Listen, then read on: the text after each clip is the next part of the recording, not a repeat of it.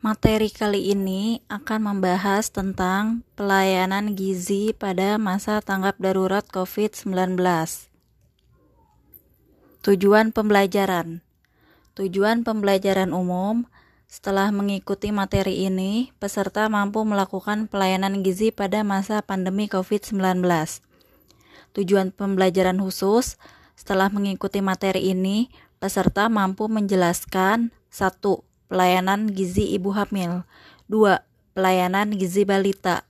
3. Pelayanan gizi remaja putri. Pokok bahasan yang akan dibahas pada materi ini ada enam, yaitu yang pertama latar belakang, kedua jenis pelayanan gizi, ketiga pelayanan gizi ibu hamil, keempat pelayanan gizi balita, kelima pelayanan gizi remaja putri, dan keenam, pencatatan dan pelaporan. Adapun latar belakang dari penyampaian materi ini antara lain karena status tanggap darurat yang diikuti dengan kebijakan PSBB atau pembatasan sosial berskala besar akan berdampak signifikan terhadap kehidupan masyarakat, termasuk masalah ekonomi, seperti menurunnya akses dan daya beli masyarakat terhadap pemenuhan pangan bergizi. Kerawanan pangan dan gizi akan meningkatkan risiko terjadinya masalah gizi akut. Bahkan masalah gizi kronik atau stunting pun mungkin akan meningkat jika penetapan tanggap darurat berlangsung dalam waktu yang cukup lama. Pelayanan gizi pun ikut terdampak karena pembatasan layanan tetapi perlu tetap berjalan dengan melakukan beberapa penyesuaian, sehingga tidak akan memperburuk masalah gizi yang telah ada sebelumnya. Penyesuaian dilakukan berdasarkan kebijakan daerah dan dapat dibagi menjadi yang pertama daerah dengan penetapan PSBB dan transmisi lokal, yang kedua daerah yang belum menerapkan PSBB atau tidak ada transmisi lokal atau mobilitasnya minimal. Jenis-jenis pelayanan gizi. Ada yang pertama pemantauan pertumbuhan di posyandu, kemudian ada suplementasi yang terdiri dari tablet tambah tablet tambah darah ibu hamil, tablet tambah darah remaja putri, kapsul vitamin A pada bayi dan balita, makanan tambahan bagi ibu hamil kek dan balita gizi kurus, Kemudian ada konseling dan edukasi, promosi dan konseling PMBA, gizi seimbang bagi ibu hamil, remaja putri, dan ibu menyusui, serta ada penanganan berita gizi buruk sesuai penata laksanaan kasus. Berikut akan dipaparkan masing-masing dari sasaran terkait dengan pelayanan gizi. Yang pertama, pelayanan gizi ibu hamil pada masa pandemi COVID ini, pemberian tablet tambah darah ibu hamil tetap dilaksanakan, baik melalui kunjungan di fasilitas kesehatan yang terjadwal atau melalui kunjungan rumah. TTD dapat diperoleh dari bidan desa atau tenaga gizi maupun secara mandiri. Konseling kepada ibu serta edukasi kepada masyarakat perlu dilakukan untuk mengurangi risiko anemia, baik melalui media daring, media cetak seperti poster, maupun media elektronik seperti radio. Kelompok atau kelas ibu hamil dapat diganti dengan diskusi kelompok dalam aplikasi chat seperti WhatsApp. Untuk ibu hamil dalam pengawasan atau ODP atau yang masih suspek dan terkonfirmasi positif, pemberian TTD ditunda dan dikonsultasikan ke dokter untuk jadwal konsumsinya. Pemberian makanan tambahan diprioritaskan kepada ibu hamil kek.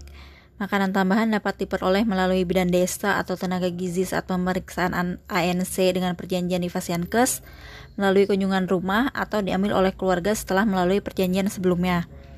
Bila terdapat stok, makanan tambahan dapat diberikan kepada semua ibu hamil untuk pencegahan risiko ibu hamil kek serta dengan konseling atau edukasi gizi. Selanjutnya untuk pelayanan gizi balita, ibu yang berstatus ODP atau OTG yang sedang menjalani isolasi mandiri di rumah tetap aman menyusui bayi sepanjang dilakukan dengan menerapkan prinsip-prinsip pencegahan penularan infeksi atau protokol kesehatan.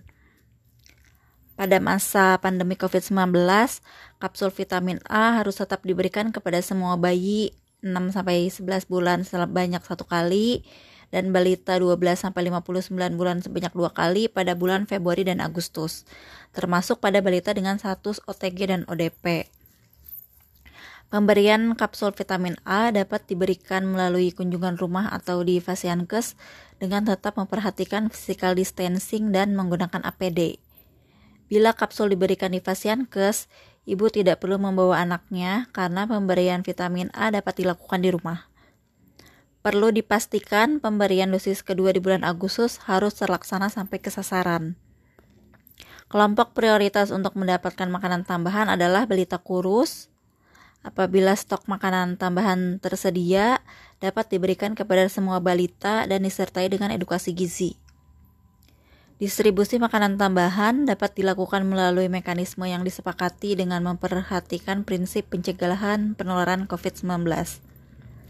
Pemantauan pertumbuhan dan perkembangan balita dilakukan secara mandiri di rumah, atau bila memungkinkan dapat melakukan di posyandu dengan memenuhi prinsip pencegahan infeksi dan physical distancing sesuai keputusan pemerintah daerah setempat.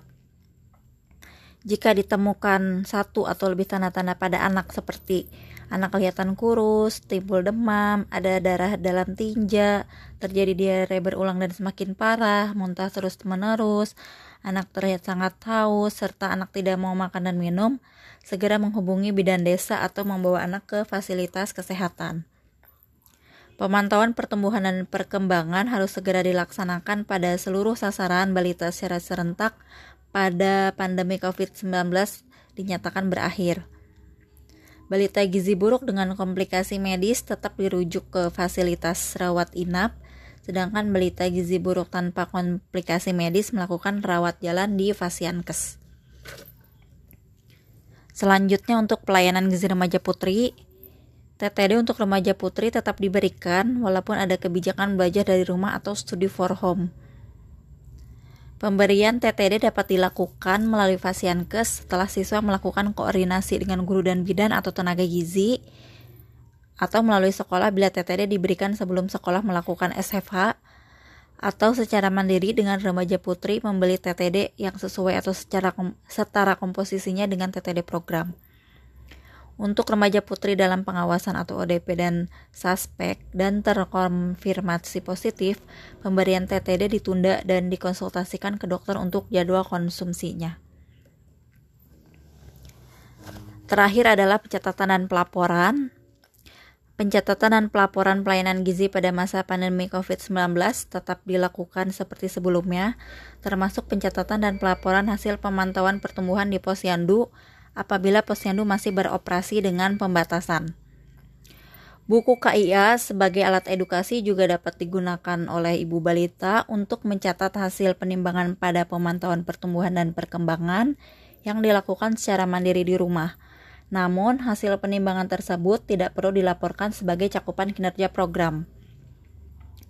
Pemantauan wilayah setempat dilakukan melalui kegiatan surveillance gizi dengan menganalisis seluruh sumber data yang tersedia di antaranya data EPP GBM, elektronik pencatatan dan pelaporan gizi berbasis masyarakat.